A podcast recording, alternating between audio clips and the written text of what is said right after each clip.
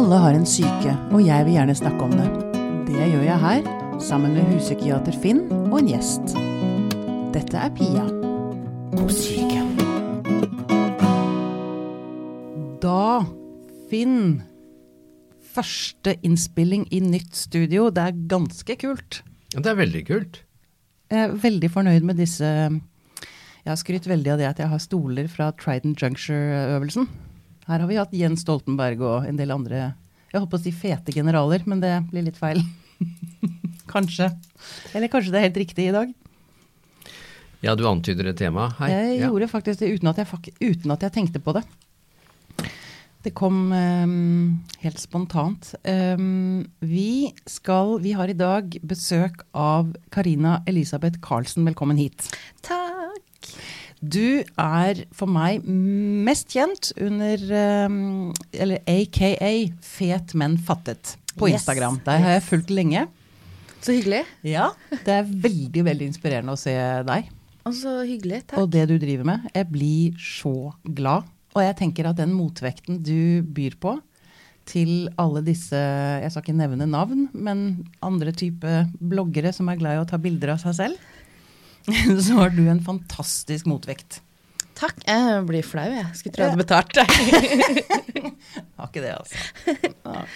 Men um, si meg, når var det du bestemte deg for å gjøre det der? Å begynne For de som ikke har sett bildene. Du er ganske Altså, du, du viser kroppen din mm. på en eh, helt vanvittig kul og ekstrem måte. Du er ganske ekstrem. Ja. Ja. Når var det du bestemte deg for å gjøre det der? Å begynne med det? Det har gått gradvis. Jeg begynte en blogg i 2010-2011 som het Fet, men fattet, og da var den anonym. Eh, Og det var ingen som visste hvem Nei. Nei. Så jeg hadde Jeg var, jeg var sånn semitopp-blogger, eh, anonymt. Eh, men jeg skrev veldig mye Jeg skrev mye humor, men jeg skrev mye nedsettende om meg sjøl. Mm. Og blei eh, eh, sjukere eh, av det. Eh, så fant jeg ut at det her går jo ikke. Så begynte jeg Altså, dette, dette her er sånn sammensurium. Ja, Det var Vi eh, liker sammensurier her. En sånn sammensetning at jeg ble dårligere og dårligere, eh, og at jeg da etter hvert eh, ja, begynte med burlesk, f.eks. Mm. Eh, og lærte meg å se kroppen min på en annen måte. Så eh, sletta jeg vel den bloggen, og så begynte på Instagram istedenfor. Og så har det liksom gått gradvis. Ja. Og så jo mer Altså, hva skal jeg si? Man blir jo bare mer og mer med åra. Man, man blir mer og mer. Ja, altså mer og mer eh, Jeg vet ikke, radikal, eller hva jeg skal kalle det. Tøffere Ja, eller- ja. ja, det var veldig fint. Tøffere i trynet. Så det er mange som syns at jeg er veldig kontroversiell. Ja. Um, Får du mye kritikk for det, eller? Ja, men ikke, ikke verre enn Altså, jeg har hørt alt før, da. Liksom. De Ja. som sier at uh, Hva er det verste? jeg har fått drapstrusler og voldtektstrusler og i det hele tatt. Men det, liksom, det hører til sjeldenhetene, men tenk at folk gjør det. Uh, fordi noen er feite, liksom, og ikke ber om unnskyldning for det. Um, det, er Um, helt, det er helt absurd. ja, og så er det jo mye, det er jo mye spesielt unge menn og godt voksne menn som har lyst til å fortelle meg at de har så lite lyst til å ligge med meg, og nå må jeg gjøre noe med det. Altså bli slankere, da, for da blir jeg pen. Og sunn.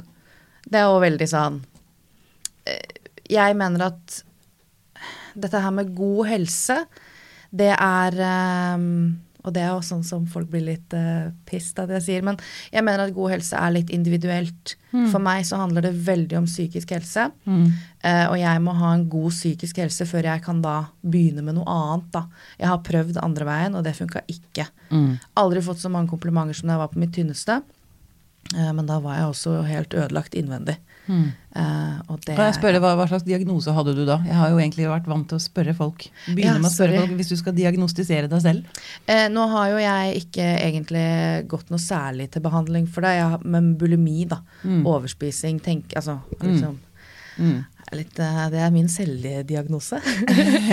Eh, Men det var ikke før jeg snakka med Elin i Spiseforstyrrelsesforeningen at jeg skjønte at jeg faktisk hadde vært sjuk, så jeg har gått mange år og tenkt at jeg er sånn hobbybulemiker. Ja. Og så har jeg vitsa litt om det, liksom. Ja. Men um, Når jeg nå i retrospekt ser, så har jeg jo vært helt ødelagt i huet. Mm. Jeg holdt på å si 'aren't we all'? Eh, Men jeg tenkte på det, jeg sa det i et intervju her for en stund siden, uh, at jeg er jo et uh, spiseforstyrret, alkoholisert, sinnsforvirret menneske. Ja. da var det en journalist som skvatt litt. Ja. Men det verste hun, altså det som hun ble mest sjokkert over, da, var alkoholisert.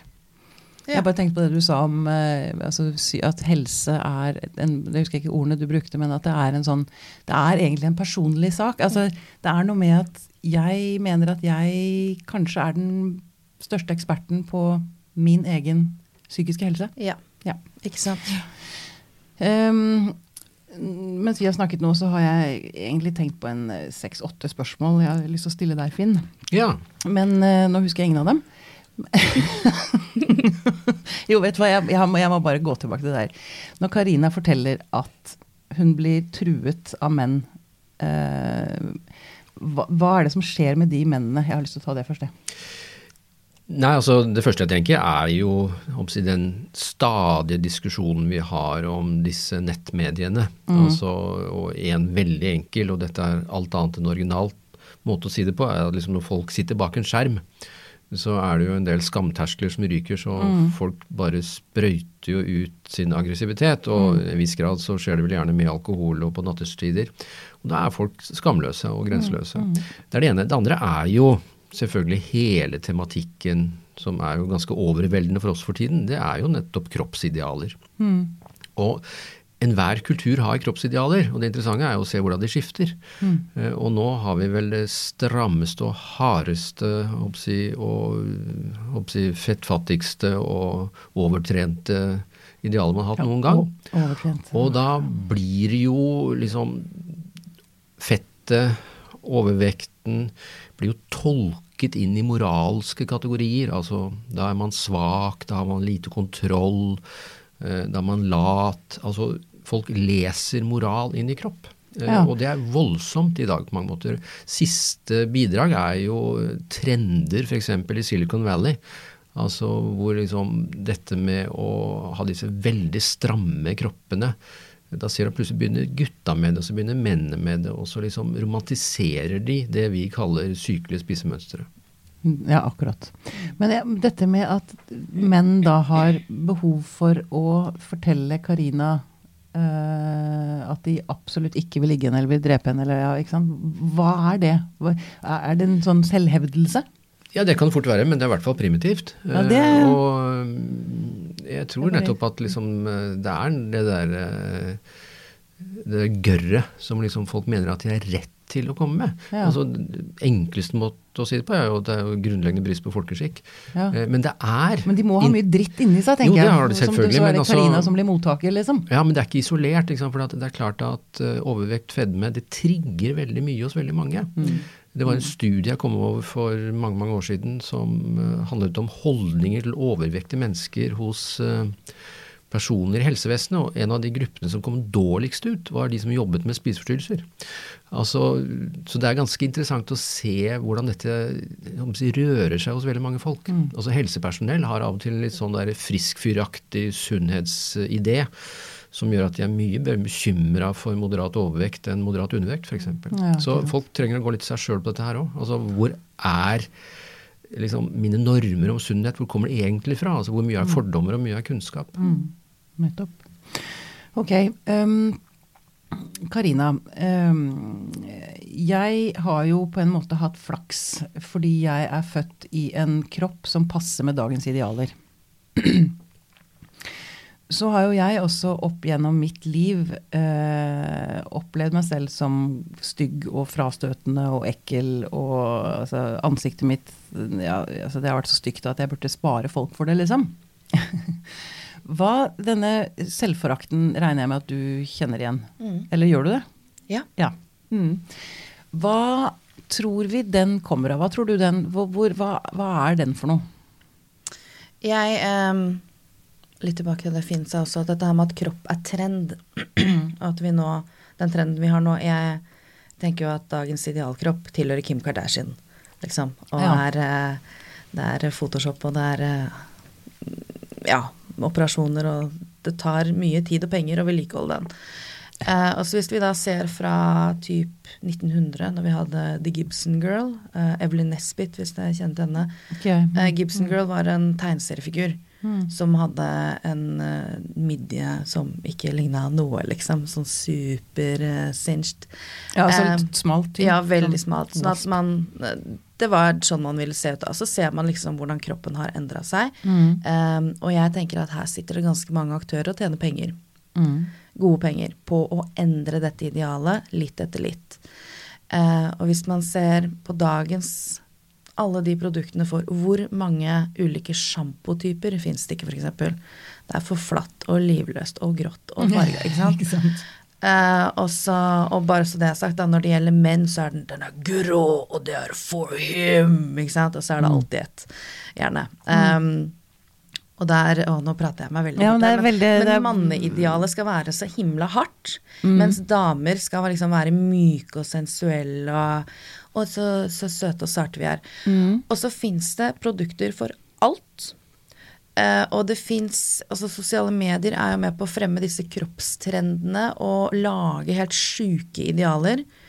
Uh, så det at Jeg mener jo at kroppspress det rammer oss alle. Og dette, denne utseendefikseringen den er ikke forbeholdt én bestemt kroppstype. Vi får det alle sammen. Altså helt ned i små babyer, liksom, har jo et press på at de skal se ut på den ene eller andre måten. Eh, mødre som slanker seg mens de, for å få små babyer, liksom. Eh, og du ser jo eldresenter også. Det er masse Det er mye forfengelighet der òg.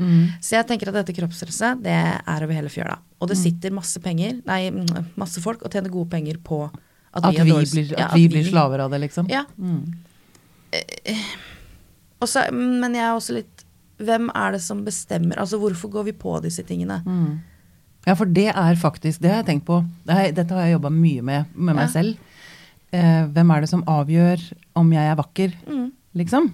Mm. Eh, og, og utfordre seg selv på det, blant annet som vi snakket om i sted da vi ble fotografert. Altså, Mm. det, er, det er krevende, fordi jeg må sitte og se på Ikke sant, Jeg kan gå inn på porene i huden min. Ja. Nei, Vi kan gå inn på dette på mange måter, men jeg liker nettopp den også ta den si, markedsøkonomiske vrien på det. da. Fordi hvis vi tenker litt stort og høyt og sier at det er noe som heter identitet, så ble det en gang definert av kirka, på en måte. Altså Gud og kirka og hertugen og kongen som liksom definerte. Det er veldig få mennesker på 1700-tallet som sier til seg 'mon tro hvem jeg skal bli'. Altså Det er en moderne problemstilling. Og så sier man at identitet i dag er noe du kan skape, du kan velge. Ja, altså det er jo 100 industrier som er der. Altså Det er ammeindustrier, og det er graviditetsindustrier, og det er barselindustrier, og det er sunnhetsindustrier, og farmaindustrier, og skjønnhetsindustrier, og hårindustrier, og det er klesindustrier. Og mange av disse industriene er også, som du antyder, de er ganske bevisst utspekulerte. Altså, Vi vet hvorfor de varene er plassert i den hylla i den butikken. Altså, så vi er jo formet mye mer enn vi egentlig er klar over Ja. av markedsøkonomiske krefter. Samtidig, selvfølgelig har vi noen valg. Men noe av det vi jobber med når det gjelder både unge og voksne i dag, det er jo det at vi skulle på en måte ønske, som du sier, da, at man var mer bevisst på hvordan man er blitt formet. Men det er ikke så enkelt. Nei. Være mer bevisst og gjøre mer opprør. Ja, tenker jeg, og og det leke jo- litt mer med det. Det jeg syns er så fantastisk med Karina og Feten Ja. Fattet, at hun tør å leke med det. Jeg liker rampeteten der, fordi at eh, vi som da begynner å bli litt eldre, vi tusler litt sånn der småskuffete rundt og sier 'hvorfor gjør ikke ungdommen opprør?' Det gjorde vi. Eh, men det er nettopp kanskje at det er så internalisert, altså at man gjør opprør mot seg selv istedenfor å gjøre opprør utad. Altså, Selvkritikken har erstattet samfunnskritikken, og det er veldig alvorlig i et sånt uh, samfunnsmessig perspektiv akkurat nå. Ja, og for jeg tenker at er det én ting vi kan gjøre, altså bidra med, som du jo gjør, Karina, så er det jo å vise at det faktisk går an å gjøre opprør. Mm. Uh, jeg tenker at det er noe av det sunneste vi kan gjøre. Ja, men det er jo ikke lett, da. Det er noe med å komme dit og tenke fordi det handler jo litt om Nå er ikke jeg noe glad i ordet aksept, men det er jo litt det det er, egentlig. Altså Mm. selvaksepten. Og så kan man jo sammenligne med Jeg tenker at man kan sammenligne denne kroppskampen, da, hvis man kan kalle det det, med eh, kvinnekamp, f.eks. Mm. Eh, det er små motmakter som må til, og så må de samle seg, og så må man liksom prøve å velte eh, denne store makten som Det er vanskelig å definere hvem er det egentlig som sitter med denne makta, da. Man kan si skjønnhetsindustri, men hvem er det? Og så tror jeg jo, jeg håper i hvert fall ikke, at det er sånn at disse menneskene personlig liksom ønsker at alle skal ha et ræva selvbilde. Det er masse penger i det. Så, ja. Jeg syns jeg ser den forretningsplanen. Bare, Å nei, nå begynner de å bli fornøyde, nå må vi endre! Så ja. Ja, Unnskyld, avbrøt jeg deg. Nei, nei, nei. eh, Men, nei, men jeg tror det er um, Man må komme til et visst punkt, da. Jeg tenker når jeg har vært sånn 14, Mm. 15, 16 Altså Hadde ikke turt å gjøre det da. nei. Og det er kanskje ikke så lurt heller å gjøre det da. Nei, kanskje ikke sånn som jeg gjør det. Mye nakenbilder og sånn. Men det som også er interessant, er at uh, Instagram er jo en sånn kvinnelig sosialt medie. Uh, det har mest uh, kvinnelige brukere. Ja. Og så, Jeg skriver master om det her nå. sånn at jeg bare um, Hvordan man lar seg påvirke. Og Instagram er liksom verstingen når det kommer til å ødelegge selvbildet, fordi at innholdet er så likt. Du reproduserer Ah. bare det samme bildet hele tiden. Og det, når jeg liksom har begynt med denne masteren om å liksom gå litt inn i meg selv også, så ser jeg at jeg er jo med på det. Fordi når jeg tar et bilde av meg sjøl naken, f.eks., Mm. så er det jo fortsatt um, til en viss grad i en seksualisert positur. Mm. Ikke sant? Mm. Um, og det handler jo litt om at jeg også, kanskje ubevisst, da, har lyst til å være fin. Sånn som at når jeg tar bildet, så tenker jeg å, dette er ekte, og dette er liksom rått. Du, du, du. Og så har jeg nå gått tilbake og sett på det, og så ok, men er det egentlig det? Så er um, Så du sier at du også spiller på de samme strengene som andre? Ja, og så kan jeg jo for så vidt forsvare det med at jo, men ok, jeg er liksom 70 kilo mer enn eh, idealet. Mm. Sånn at uh, det handler om å normalisere alle typer kropper. At jeg også skal kunne ha en kropp og kunne få lov til å være, være seksu- seksualisert. Ja, Mm. seksualisert. Mm. Uh, men kanskje jeg rett og slett bare er med på å reprodusere det samfunnet vil ha. Kanskje, ja, men kanskje det er det som er det mest provoserende, da, for disse, gå tilbake til disse gutta som irriterer Betta. eller irriterer er ikke et sterkt nok ord, men kanskje det er rett og slett at eh, de tenner på det. At det er det de ikke tåler. Ja, kan jo hende. Men det er jo også um, en annen gruppe jeg har merka at uh, ikke er så veldig begeistra. Det er uh, damer som uh, også er Eller som gjerne vil hva skal jeg si, bruke mye tid på trening, da. Ja. Treningsnarkomane? Ja, eller ja, som Mm. kanskje har jobba hardt for å få den kroppen de har. Og jeg kan jo skjønne det. Hva slags man- kommentarer får du derfra, da? Nei, at uh, dette kommer jeg til å angre på, at, synes, at dette er fremming av fedme, og at uh, ja, at Mm. ja, det er liksom de samme tingene, da. At det er ikke noe pent, og Mm. hvem er det du tror du er, og ja. For da kan man jo vurdere, sånn som jeg hører deg nå, da, så kan jeg sitte og tenke mm, Ok, hvis jeg tar deg Mm. I den ene hånda, holdt jeg på å si, og så et uh, treningsvrak, for å bruke det ordet, i den andre, så lurer jeg på hvem det er det som egentlig har det best inni seg. Mm. Ja, det er jo et godt spørsmål. Hva er det som er mangel på selvbeherskelse og selvkontroll? Ikke sant? Hvis ikke du klarer å la være å trene. For det det kan jo være dop. ikke sant? Men trening kan også altså Dette kroppsfikseringen er jo også en junkie-atferd. Er det ikke det, Finn? Jo, øh, jeg henviser støtt og stadig til at jeg bor ved Sognsvann, og sier at jeg har øh, annen etasje som en utkikkspost til den moderne kroppen. Ja. Og det er klart at noen går tur med barnebarn, eller Hunden noen sin, eller? Mm. innvandrerfamilier tenner bål der på søndager. Men det er klart at det er en del som liksom eh, er rundt det vannet og inn i skogen for å slippe unna egne følelser. Altså Det er tusen måter å bruke kropp på. Ja. Eh, det vi nå snakker om, det overtrente, eh, det er jo ofte en del av et bilde av et spiseforstyrret liv. Og da handler det om ikke åpne sansene, men kanskje lukke sansene. Altså, Ja, for de får- får ikke det er dressuren mer enn det er å kjenne at det lukter friskt fra skogen fordi det har regna osv. Så, videre. så det er sammensatt. altså En kjempekjapp uh, gjennomgang av kroppsidealer i vestlig kultur. Ca. 1870-1880, da vi laget anoreksidiagnosen. Um, da var dette litt sånn overklassefenomen, og da skulle kvinnene være så skjøre som mulig. Mm. Altså Da skulle de være bleke og magre og besvime for et godt ord, og, og lese dikt av Byron, som også var bulimiske perioder. Eh, og så, etter første verdenskrig, da var veldig mange menn i krigen, og da var det kvinnene som tok over samfunnet. Og da var det en stund utover 20-tallet et sånn eh, maskulint, magert kvinneideal som het mm. garson. Altså at kvinnen, eh, kvinnen er som en gutt. Eh. Flatbrystete, magre, produktive. De tok over samfunnet. Så kommer anoreksibølgen 1950-1960, og da var det tynn.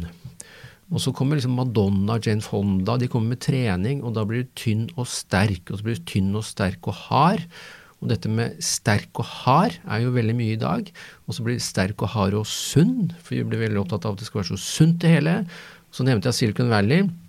Da kommer liksom sterk og hard og sunn og kan jobbe 24 timer i døgnet. Ja. Og da må du ha en spesiell diett, hvis ikke så blir du sløv og slapp. Og så legger du på litt mikrodosering av eh, LSD Ja, jeg må si, kokain hadde jeg lyst til å Ja, det er ute, Mm, for det er et mm. rusmiddel. Ja. Altså mikrodosering, for da blir du litt på hekta. Altså Det er interessant å se hvordan disse idealene flytter seg litt hele tiden. Mm. Men netto, det blir litt flere av dem hele tiden. Altså liksom En gang så kunne man være anorektisk og tynn, nå skal man altså være sunn, hard, trent, produktiv, effektiv. Altså Det blir ganske massivt, mye av dette her. Jeg blir sliten. Ja. Ja, ja, vi blir jo ja, vi blir slitne av å høre på meg snakke. Ja, ikke sant. Og dette, og dette disse tankene, det du, eh, det du ramser opp her, er jo ting jeg kjenner igjen fra mitt eget hode. At å, nå har jeg ikke Nå har jeg Å, jeg slutta på treningsstudio. Eh, og går jeg nok tur? Er jeg og bru, Ikke sant? Så Alt jeg- man skulle gjort. ja, alt man skulle gjort. Og jeg ser sikkert jeg hadde kanskje drukket for mye alkohol nå, ser huden min Altså, det, det er bare så innmari mange ting man hele tiden Ja, klart disse Spiser jeg sunt nok? Jeg spiser for mye sjokolade. I dag spiste jeg sjokolade til frokost. Nei, det må du ikke gjøre. Pia. Nei, men disse idealene er jo ikke tilfeldige. Altså, man kan ikke lage en komité som kjøper opp eh, Instagram og bestemmer seg for hvilket som helst ideal. Altså, man, man kan påvirke en del idealer, men Ja. de kommuniserer med noe. Altså, hvorfor er koreansk ungdom en av de største konsumentene av plastisk kirurgi? Jo, for de vil se vestlig ut i sine øyne. Ja. Hvorfor driver eh, arabiske jenter å operere nesene sine? Jo, for de ville ha mer globaliserte vestlige neser. Hvorfor driver kinesisk ungdom og forlenger skjelettet sitt? Jo, for de vil bli høyere. Men det er en sånn globalisert markedsøkonomisme også her. Altså vi, vi dras mot noe konformt og uniformt, men også noe som er ganske vestlig. Ok, Og dette må vi bare slutte med. Ja. Ja. Jo, men Åh, det, For det, det er det her jeg syns er vanskelig. Fordi hvem er det som har rett til å bestemme, da? Hvem er det som skal bestemme Si sosiale medier. Mm.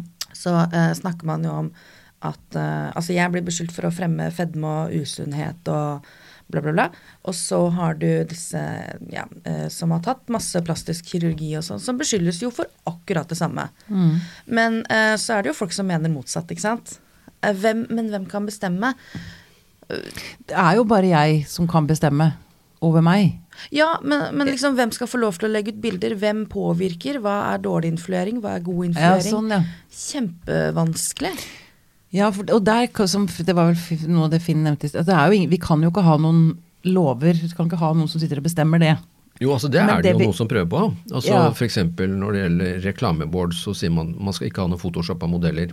Ja. Men det er vel bare krusninger. Altså, det er vel at vi kan ikke bestemme hvem som skal bestemme. Eh. Men f.eks. hvis du ser på Instagram, da, som har fått en sånn litt ekstra status for å være problematisk i, i denne sammenhengen, så handler vel nettopp noe, som også du sier, da, av liksom kraften i fotoet. Altså særlig det, eh, det ensartede foto. Altså en tekst, en lyd, en musikklåt eh, har ikke sjans opp mot foto. Altså Foto er så Nei. veldig sterkt. Og, Og- og foto, direkte, ja, liksom foto ble en sånn virkelighetstest. Jeg eh, har et barnebarn som vi, vi lekte om en historie. Om at det var en drage som prøvde å stjele henne, men så klarte moren hennes, den heltemodige å jage dragen, så hun ble ikke stjålet. Ble ikke røvet. Men så sier jenta til meg da. Men farfar, det skjedde vel egentlig ikke, for vi har ikke filma det. Eh, altså Det er noe med at Akkurat. vår virkelighetsforståelse er etter hvert veldig visuell. Og sånn sett så er vi litt ute å kjøre. Ja.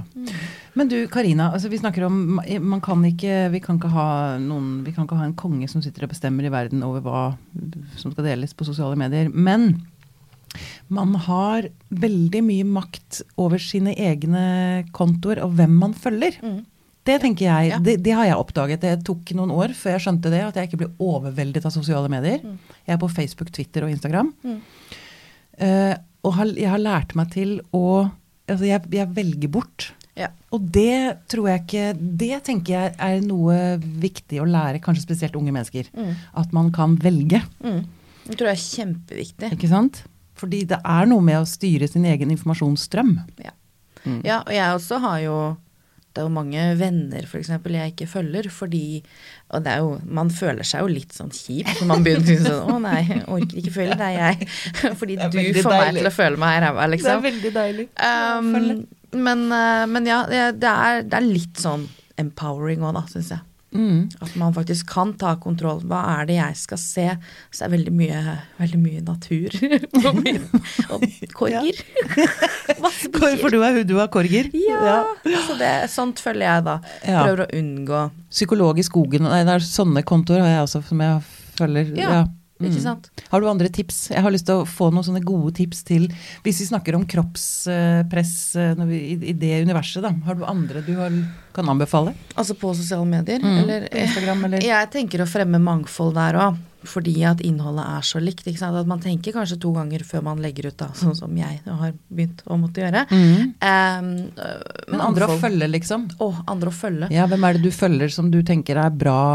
Um, jeg syns jo Body Possi Panda er eh, Body Posse Panda? Ja. Mm -hmm. uh, veldig, veldig fin uh, å følge. Morsom og har mye godt å si. Mm. Uh, også Stina Wolter med W. Hun er vel dansk eller svensk. Mm. Også veldig bra. Du kan tenke litt på det. Jeg har også lyst til å trekke inn noe som Finn nevnte for meg da vi snakket om at du skulle komme hit. Finske fotografen, som jeg tror heter Iu Susiraya. Liu. Liu. Liu Susiraya. Hvorfor skriver du med ja, ok, på, på, Nei, det blir sånn med små bokstaver, så står det som, Nei, ser det men- som står IIU, men det Ja. heter Liu. Jeg har googla så mange ganger F, så ja, ok. Anyway. Liu Susiraya. Ja. Ja. For hun eh, minner litt om deg på en eller annen måte, bare at hun er vel kanskje mindre seksualisert på en eller annen måte. Hun er veldig stygg, for å bruke det ordet. Altså, altså, skjønner jeg mener? Altså, hun gjør seg så stygg hun klarer, tenker jeg, når jeg ser hennes bilder. Hun tenker jeg også har en viktig misjon. Eh, Hun skal ha en kjempeutstilling i Helsinki 15. mars. Mm. Altså Hun har på en måte lyktes med å bli en ganske renommert internasjonal kunstfotograf Mm. ved å tematisere sin egen overvekt. Og spørsmålet er liksom Ironiserer, rakker hun ned på seg sjøl, eller tematiserer hun? Gjør sikkert mange ting, men Mm. det, er, det er veldig spennende å følge henne. For hun setter det i mange sammenhenger. Det siste bildet jeg så henne, så jeg i dag. For jeg kikka på det før jeg skulle hit. Mm. Da har hun tatt altså, to franskbrød og gjort det til et kors, og plutselig så er du i liksom en kristen tematikk ja. osv. Hun er eh, veldig spennende å følge med på. Ja. Og jeg tenker hun gjør bra ting for psyken vår, Ja. tenker jeg.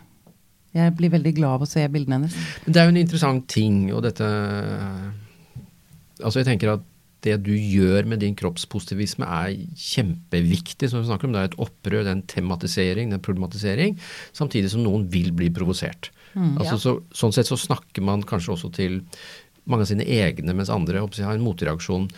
Men et eller annet sted så er jo drømmen om at vi i sum skal være mindre opptatt av kropp. Altså, Det er jo der paradokset ligger ofte. at vi liksom, Hvordan i all verden skal vi klare å bry oss mye om denne kroppen? Fordi at den melder jo seg i alle disse sammenhengene hvor vi egentlig skulle snakke om noe helt annet. Ja, men jeg tenker øh, Jeg er jo veldig opptatt av min kropp, men på en litt annen måte. Da jeg gikk pilegrimsvandringen, så lærte jeg meg jo til å lytte til kroppen. Altså, for kroppen sitter jo inne med utrolig mye viktig informasjon. Men jeg skulle ønske at man kunne Eller at um, Altså, én ting er kroppen som en fasade. Det er jo den vi snakker om nå. Uh, ikke sant? Fasaden er jo én ting, men den er egentlig ganske uinteressant. Ja, men jeg tenker at det er litt det som er greia med i hvert fall Det er mitt mål da, med min kroppspositivisme. Det er mange måter å definere det på, men for meg handler det om den psykiske helsa. Og jeg tror ikke vi kan gjøre noe Altså, vi kan ikke komme dit at vi blir såkalt kroppsnøytrale, da. Før noen har fortalt at det er greit å ha den kroppen du har. Det er helt greit at kropper ser ut på ulike måter. Og at man heller, liksom, som du sier, lærer seg alt det kule kroppen kan gjøre, da.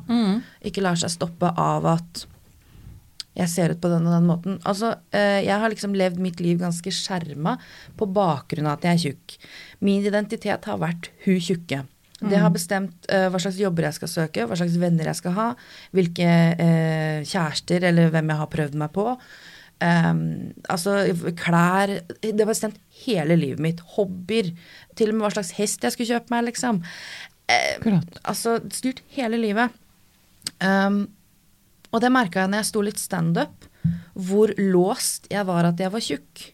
Fordi Ja. det, var, det var alt jeg kjente meg selv som. Men, men på hvilken måte kan du liksom Jeg sto bare og vitsa om at jeg var tjukk, og så sa alle litt å, det er så fint med folk som byr på seg sjøl og ha-ha, ikke sant. Og Ja. så gikk jeg hjem og bare blei sjukere av det. Eh, og når jeg fikk skrella det laget, liksom hva er jeg annet enn tjukk, så jeg, jeg kjente ikke meg sjøl. Det var en så stor jobb å bli kjent med hvem jeg er, når jeg ikke identifiserer meg som Bakenfor den Ikke sant? Mm. Og det er noe jeg jobber med enda. Mm. Det er, eh, det er jo spennende, men det er også veldig, veldig trist. Mm. Um, så ja, kroppsnøytral må jo være målet. Ja. Bare, nå slår det nå, Dette har jeg ikke tenkt gjennom, så nå kommer dette litt sånn eh, Men jeg, um, jeg har jo da Jeg er lang og tynn og har alltid fått høre at jeg har en perfekt kropp. Det har det, Dette hører, det, det blir kanskje teit, men det har også blitt et jævlig problem. Eh, fordi det er som om menn ikke er interessert i å vite hvem jeg er. Ja, ikke sant? Din identitet er hun med den perfekte kroppen. Ja, nettopp. Å, gud, så jeg blir for å bli forstått.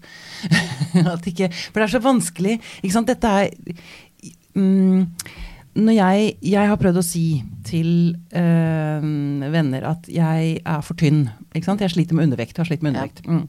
Og det, det er jo nesten ikke lov å si, ikke sant? Er det ikke provoserende? Mm. Ja. Mm. Mm.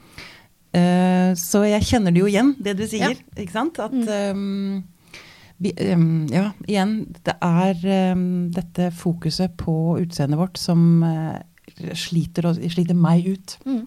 Men det Og, og jeg er så glad jeg ikke er ung i dag. Jeg hadde, jeg hadde gått under hadde jeg vært ung i dag. Ja, men det er det jeg mener med at kroppspress det rammer oss alle. Mm. Det spiller ingen rolle. Det er alltid noen som skal fortelle deg at du ikke er bra nok, eller at du har ingen grunn til å klage. Mm. Eller ja, i det hele tatt er det rart vi blir. Nei, ikke sant? Er det samme for menn?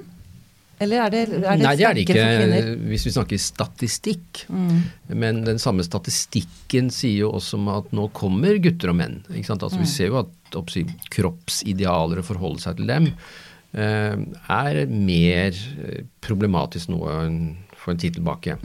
Og, men da er det jo gjerne den muskuløse, litt sånn anabole kroppen med den flate magen eh, det handler mye om. Men vi ser jo dette komme i en del sammenhenger. Jeg nevnte, eller jeg nevnte for tredje gang dette med Silicon Valley. Ja. For der ser du mye, Det er menna som drar det der. Altså Å, ja. dette hyperproduktive, fettfattige mennesket Mm. som ikke trenger å sove. Eh, det er faglig innspill. Altså, spiseforstyrrelser er en overopptatthet av kropp. Eh, vi har forska masse på dette og vet at det ofte er et omvendt forhold mellom overopptatthet av kropp og å kjenne sin egen kropp, i betydning sanse. Ja.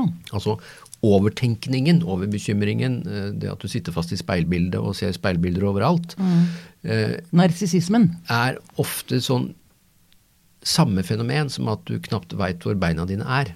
Eh, altså Vi har forska mye på f.eks. Eh, personer med alvorlige spiseforstyrrelser har høyere smerteterskler, for de kjenner mindre etter. De blir mindre slitne, for de går på. Altså kontakten, altså sansningen med kroppen. Og det er ganske interessant. altså Når du blir overopptatthet av kroppen, så mister du kontakt med kroppen. Ja. Eh, Det betyr Akkurat. derfor at vi ofte er opptatt av å hjelpe personer å sanse mer. Altså hva kjenner du? Fysioterapeuten tar. Hva kjenner du her? Kjenner du lukten? Altså det å åpne sanser er viktig for den som eier det. Og det er også viktig for oss andre. Jeg snakket med en billedhugger her en dag. Og jeg ble så fascinert eh, av hvordan hun så en kropp. Hun syntes det var så spennende at liksom brystene var asymmetriske, og den ene hang lenger ned enn den andre. Så det var spennende. Altså, kunstneren ser jo etter liksom noe som har et særpreg, Ikke sant, ikke sant. og ikke si, dette standardiserte. Mm. Og det blikket ikke skulle vi ønske at vi hadde. Altså at det er interessant å se asymmetri, f.eks. Ja, ja. Det er, noe, det er noe å lære bort i skolen. Ja. Mm. Hva tenker du Karina når du hører Finn? Jeg syns det er eh, kjempefint at det fins mennesker der ute som ser kroppen for det den er, hvis man kan si det sånn. Mm. Uh, ja. Det er jo uh, Jeg tenker at kunst er uh, så viktig, og det er så mange måter å utøve det på. Tenk på den fotografen du nevnte i stad også. Jeg syns hun er fantastisk. Mm. Uh, og jeg, noen av de bildene er virkelig vonde. Det bildet, hun har et bilde hvor hun står med en filleri over seg, f.eks. Jeg bare Ja. Å ja. Ja. Det har ikke jeg sett. Nei, jeg synes, jeg får gåsehud. Ja. Uh, så kanskje mitt favorittbilde er hvor du står og viser fingeren med to pølser, liksom. Bare, ja. Det er også uh, Det er mange lag på det der, da. Mm. Men jeg tenker burlesken, eh, som jeg gjør også, eh, vi er jo veldig opptatt av å vise ulike typer kropp. Og så vel, ja, vi pakker oss inn i glitter, liksom. Eh, men det er fortsatt noe veldig sånn sårt sårt ved det, da. Eh, og det er litt poenget med det også. Vi har alle typer kropper, og jeg pleier å si at vi danser politisk. Eller er politiske lykkepiller i stringtruse, liksom. men, men det er også um, Jeg jo bruker jo kunst, min form for kunst. Det er min måte å kunne være politisk på en annen måte, da, å bruke kroppen min. Mm. Eh, Så det ble jo en tilfriskningsprosess for meg, fordi det er jo nettopp som du sier, ok, min kropp ser sånn ut i et speil, og den bør røre på seg sånn. Så har jeg dette grevinnehenget som gjør sånn, ok, hva kan jeg bruke det til, da? Mm, mm. Ok, puppene mine ser sånn ut, da. Mm. ja. Så det Jeg veit ikke. Det ble veldig eh, mange tanker her. Ja, Men det å bli vant til kroppen sin tror jeg er veldig viktig. Ja. Og det er eh, langt lettere sagt enn gjort. Mm. Men ikke sant, hvis vi sett at det sitter unge jenter da og hører på nå, Um, hva slags eh, innspill har du til dem? Altså Hvis man er 14 år, det er jo en, det er jo en groteskt vond, kan være, veldig vond periode uansett, liksom. Altså det er, der er det mye som skjer med kroppen og sinnet og og sånn. Kan man gjøre jeg på å si, kan man gjøre noe av det du gjør i det små? For seg selv? Um, altså Begynne å utfordre litt grann sine egne ikke sant? Man har venninnegjenger, da. Dette husker jo jeg. ikke sant? Og Venninnegjenger det er det sånn konforme. Det er der du Sånn skal man være. Og så tenker jeg det hadde gjort så godt for meg også den gangen hvis jeg bare hadde, hvis noen hadde sagt til meg at mm, kanskje hvis du lytter litt til din egen stemme inne inni deg, er det noe tendens til noe annen måte å se ting på? Altså, Ja. Jeg tenker at det handler om å ta eierskap over egen kropp. Og det mener jeg det er en rettighet vi alle har, men nesten ingen benytter seg av. Okay. Ok. og på, altså fordi at er nærmest sånn at samfunnet eier kroppen din og kan sette regler og grenser og i det hele tatt. Så ja. um, å, dette er sånn Altså, enkeltindividet kan jo gjøre ting. Altså unfollowe folk på sosiale medier. Ehm, ikke være så himla kritisk til seg sjøl. Er det noe du har lyst til å gå med, så gå med det. Eh, kutt ut folk som får deg til å føle deg dårlig. Si ifra. ehm, hvis noen sier noe. Men ikke sant, dette her er sånne ting som er lett å si. Ehm, Det er lett, ikke sant? Og er, jeg skjønner jo at jeg som er 52, det er lettere for meg uh, enn Jo, men hvis, hvis bestefar sier 'jeg syns ikke du skal spise mer kake nå', og begynner du da? Ikke sant? Det er mange som har lite filter. Mm. Uh, og så tenker jeg det hadde ikke jeg greid å si imot når jeg var 14. Da hadde jeg tenkt at ja, men det er jo sant. Mm. Um, så jeg jeg har egentlig lyst til å bare si at samfunnet må skjerpe seg. Eh, et eksempel på det. jeg husker de Kiwi-reklamene med de ulike sjefene? Som eh, var et Ja. sånt sitat. Jeg har alltid hatt masse hår på armene, hatt superkomplekser for det. Og det er fortsatt en ting jeg sliter med. Og så så jeg en dame på en av disse plakatene, en to meter høy plakat, så hårete armer. Og hun så så blid og så kul ut, og da liksom en alder av 30 så begynte jeg å grine på bussholdeplassen. Det var sånn at hva? så utrolig deilig. Ja. Det er noen som ser ut, eller har de samme tingene som meg, og ser virkelig ut som bare owning it. Mm. Så jeg tror det er viktig. Ja. Og dette mangfoldet, å og ikke drive og sette oss i båser hele tiden. Det er ikke noe fasit på hvordan en kropp skal se ut, tenker jeg da. Mm. Og det er også noe med, uh, hvis man ser, så er det jo stort sett hvite, unge, stramme, funksjonsfriske kropper. Tenk alle de som faller utenfor. Det er jo ikke bare Det er de aller fleste, Ja, egentlig. ja, det er de 99,8 som- som Ja. faller utenfor, egentlig. Og de da 0,2 prosentene som er innafor, de Mm. tenker jo selv at de er utafor. Liksom. Så alle er egentlig utafor. Ja. Egentlig er det jo ingen som er et, jeg, jeg tror det skal mye til å finne noen som liksom virkelig er sånn Yes! Jeg er perfekt. Jeg digger meg. Ja, og som alltid har en bra dag. For Ja, det er også noe Det er òg litt sånn med den eh, kroppspositivismen. Det er, du trenger ikke være så forbanna lykkelig hver dag. Det er lov å ha dårlige dager. Det er lov å ikke være fornøyd hele tiden. Det er lov å gjemme seg hjemme under dyna. Ja, men det er når det tar uh, for mye plass, Mm. tenker jeg, da. Mm. Men jeg er nødt til å stille dette spørsmålet, selv om det er, eh, ja, det er eh, ubehagelig. Men det er jo en, et problem, et helseproblem med økt overvekt Mm. i verden. Mm. Vi spiser for mye junk. Hvordan får vi dette inn i dette vi snakker om nå? Jeg tenker jo at Dette her er jo kjempevanskelig for meg å svare på, fordi at jeg ikke har ehm, Jeg er ikke ekspert på det, liksom. Ehm, men for min del, da, så tenker jeg at man kan ikke Alle disse som skal fortelle meg at jeg tar feil og fremmer fedme og sånn, så tenker jeg eh, fedme kommer aldri til å bli trendy. Altså, verden er ikke sånn skrudd sammen. Ehm, og så tenker jeg vel også at jeg som enkeltindivid kan bare ta ansvar for meg. Eh, og det blir mellom meg og min lege. Eh, jeg skylder ingen å vise de en helseattest, f.eks., selv om mange mener at det skal jeg gjøre. Um, Artig. jo, men det er mye at eh, at jeg ikke kan være sunn og bla, bla, bla. Men så tenker jeg også det er viktig å være på plass psykisk da, før man virkelig tar fatt på det fysiske. For jeg har jo vært der at jeg eh, har vært veldig opptatt av det fysiske. Jeg var i førstegangstjenesten, f.eks. Uh, og var eh, eh, Før jeg skulle inn i det sånn ja, Yeah! trente masse. Det var det eneste jeg tenkte på. Og så blei jeg jo sjukere og sjukere mens jeg var der, og så liksom eskalerte det. Eh, og jeg gikk opp når jeg var ferdig med førstegangstjenesten, gikk opp masse, for jeg satt bare hjemme og var deprimert. Hadde det jo ikke noe bra psykisk. Og når jeg nå liksom har kommet på plass psykisk, så har jeg hatt muligheten til å gjøre endringer med min kropp. Og så, ja, jeg er tjukk, men det sier jo ingenting det, det forteller ikke noe mer enn at jeg er tjukk, da. Når man ser på meg, så kan man anta veldig mye. Men eh, det er også alt man kan. Man kan bare anta. sant? Det kan jo hende at du er veldig veldig mye sunnere enn meg. Det kan hende, det vet man jo ikke. Nei. Men altså, selvsagt, fedme er økende. Ja, og det er, nå har jeg lyst til å trekke inn Finn også. Ja, i, for jeg har ikke fasiten. Nei, nei, men det, er, det finnes sikkert ingen fasit. Men, men jeg tenker at vi må berøre dette også. Jeg tror noe av det viktigste er jo å skjønne at det er mange helseutfordringer, og ikke én. Altså når jeg eventuelt snakker om bulimi eller anoreksi, altså undervekt, og at det er et stort problem, så kommer noen og sier ja, men fedme er et større problem. Ja, hva så? Altså, men det er ikke det ene mot det andre. Nei. Ofte så er det jo et felles grunnlag her, altså at man bruker mat og kropp til å håndtere følelser man ikke håndterer.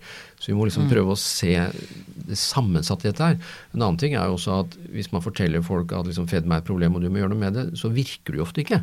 Altså Vi må jo begynne å lete etter forebyggende strategier som har effekt. Og vi ser jo f.eks. veldig mye helseformidling.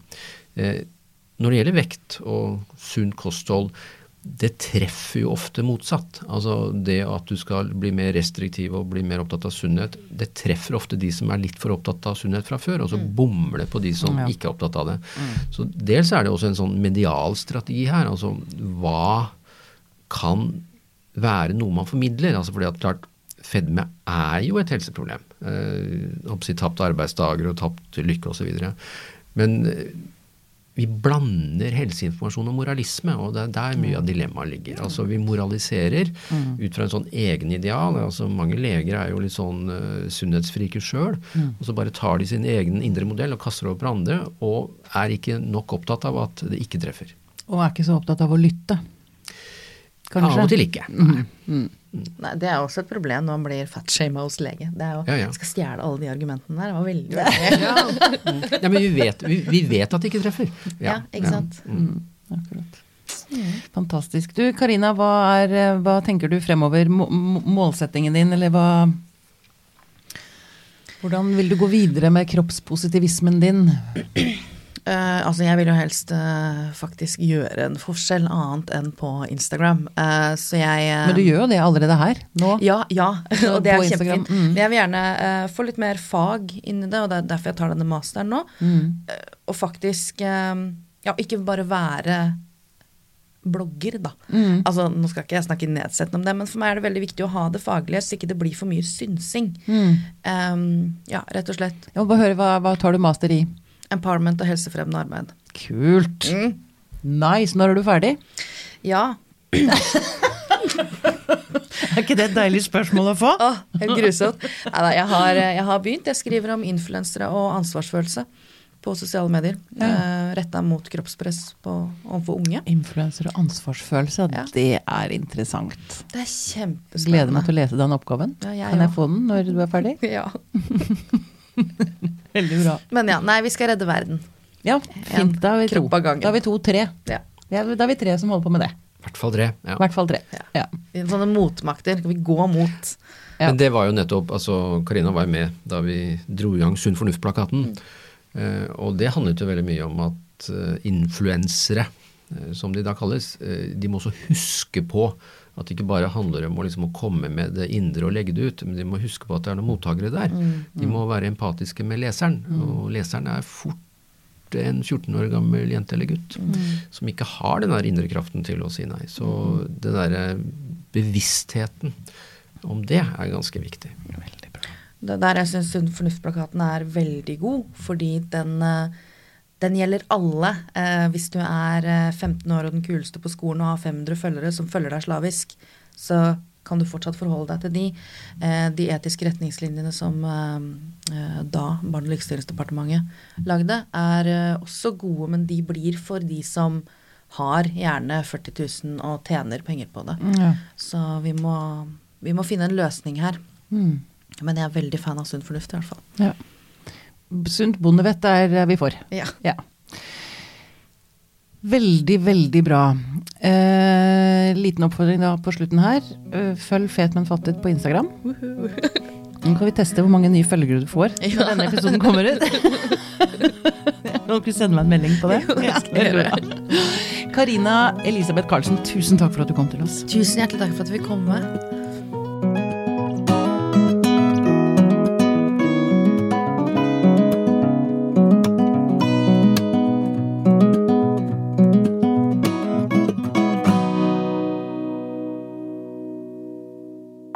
Podkasten er produsert av Tid og Lyst. med støtte fra Ekkos legat.